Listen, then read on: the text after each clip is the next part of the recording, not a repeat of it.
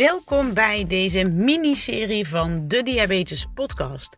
Ik ga zes dagen hiken in de Spaanse bergen. Een challenge van de Bas van der Goor Foundation waar ik al anderhalf jaar voor train en enorm naar heb uitgekeken. En ik dacht, weet je wat, ik neem je gewoon mee op reis. Dus ik ga mijn verhalen met je delen, mijn ervaringen en natuurlijk ook mijn bloedglucosewaardes. Veel luisterplezier.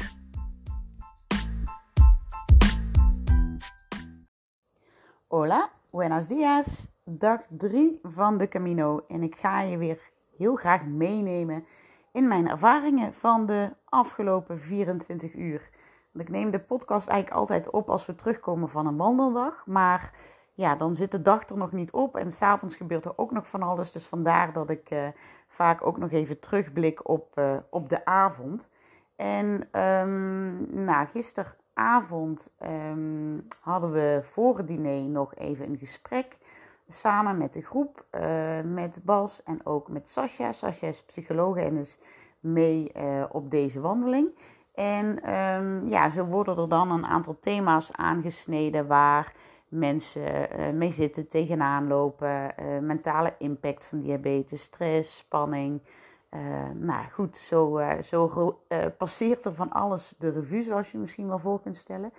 En um, na het diner is er eigenlijk ook altijd nog een diabetesoverleg waarin de diabetesstrategie, toedienen van insuline enzovoort voor de dag daarna, voor de wandeling, wordt doorgesproken. Dat, dat is dan onder leiding van Bas. En uh, daar, um, dat is allemaal niet verplicht. Uh, daar was ik ook de eerste twee avonden niet bij. Maar gisteravond uh, ben ik daar wel, wel even bij gaan zitten. En we waren maar met een heel klein clubje met drie, um, of, ja, drie wandelaars, Sascha en, en Bas. En ja, daar ontstond eigenlijk wel een heel mooi gesprek dat erover ging. Sascha had het in, in het overleg voor het diner bijvoorbeeld over wat denk jij als je uh, twee verschillende bloedglucosewaarden ziet? Dus hier zie je een waarde van uh, 5,6 en hier zie je een waarde van 18,2. En nou, 5,6 vindt iedereen natuurlijk top, relaxed, gaat goed. Mensen, de meeste mensen, ik in ieder geval, laat ik het vooral bij mezelf houden. En bij 18,2 schoot er meteen bij mij door mijn hoofd gefaald. Um, niet goed genoeg gedaan, uh, niet goed gebolust, niet goed koolhydraten geteld. In elk geval, het ligt aan mij gefaald. En daarop gingen we eigenlijk verder in, uh, in dat gesprek s'avonds. En uh, het was al de derde avond op rij dat ik ja, wat hoog zat in mijn suikers. dat heb ik eerder ook al verteld. Nou, het eten is natuurlijk anders dan je gewend bent. Maar die drie dagen in dat hotel was het wel eigenlijk drie keer soort van hetzelfde. Um, dus, dus wat voorgerecht uh, met, met witbrood, maar uh, ook wat frietjes bij het hoofdgerecht. En de eerste twee dagen was mijn, uh, mijn bloedglucose al opgelopen. Ik vertelde in de pod podcast van gisteren ook dat ik daardoor om tien uur s'avonds nog een rondje ging wandelen, omdat ik op 15 zat. Maar ook nu liep hij weer op naar 13,4.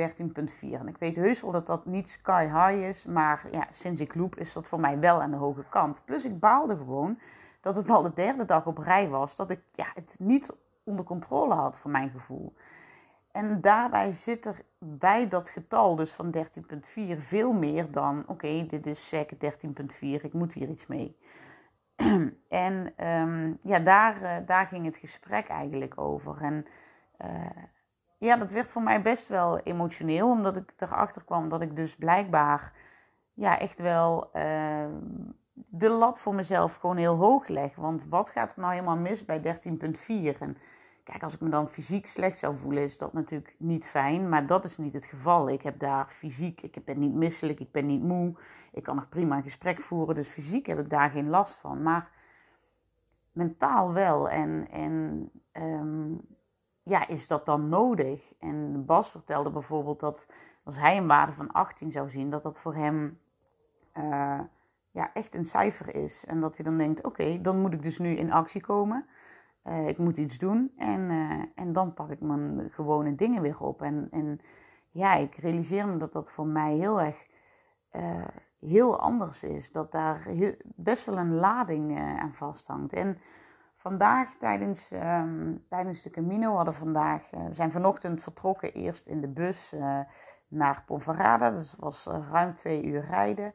En daar hebben we vandaag een korte wandeling gemaakt. Maar ja, die wandeling greep ik aan om over dit onderwerp nog eens met, met Sascha verder te praten. Van ja, waar, waar is dat nou ontstaan? En wat doet dat met je? En Um, nou, ik denk dat het eigenlijk al ontstaan is op de dag van mijn diagnose. Dat ik um, naar huis werd gestuurd met de boodschap: Nou ja, je hebt diabetes, hier zijn je spullen. Um, succes ermee. En uh, oh ja, hou je waardes tussen de 4 en de 8. Heel kort door de bocht, hè. Ik ben natuurlijk prima opgevangen en, uh, en, en goed begeleid erin. Maar wel vooral die hou je waardes tussen de 4 en de 8.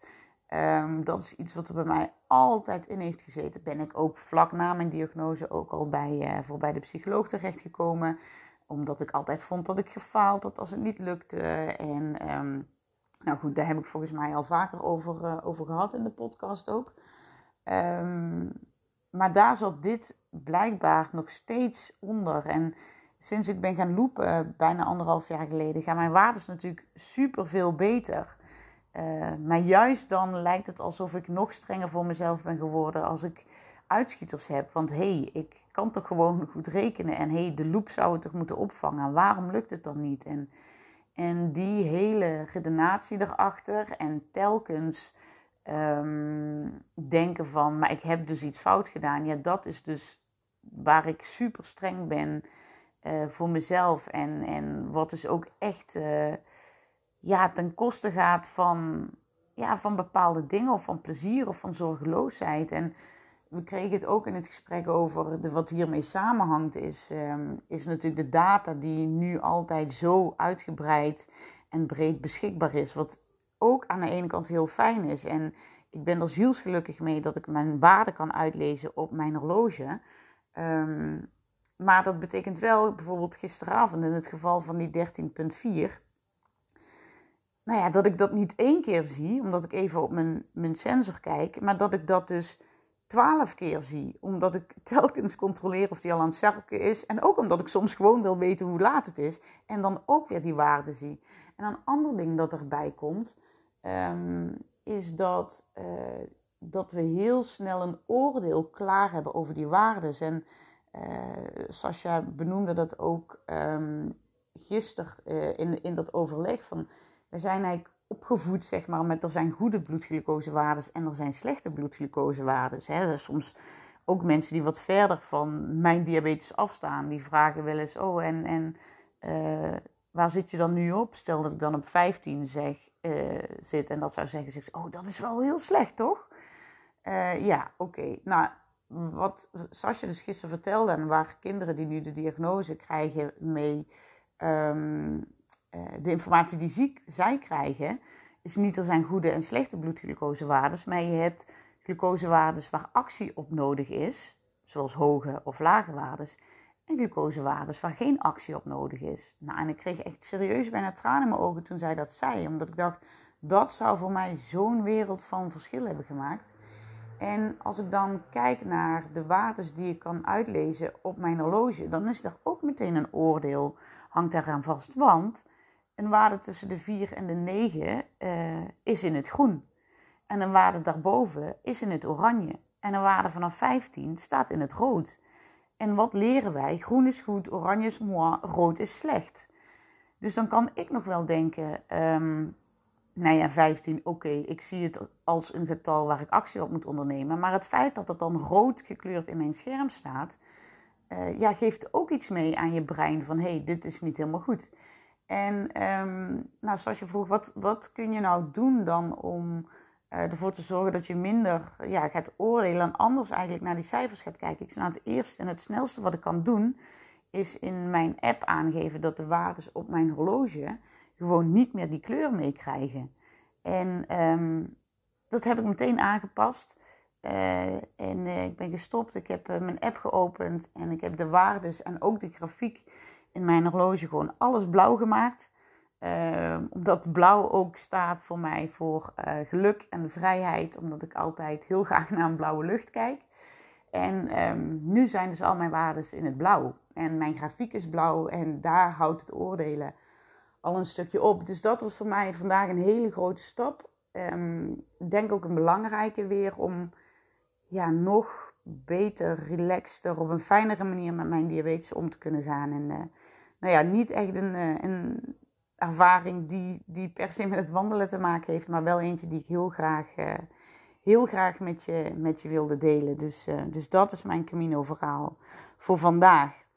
En ehm, als afsluiting uh, wil ik vandaag nog even um, ja, een warme douche uitdelen aan een van de Camino-gangers. En, en dat is Belder, de hulphond van Aida.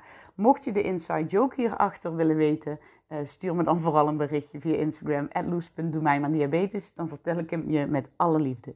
Tot morgen. Yay!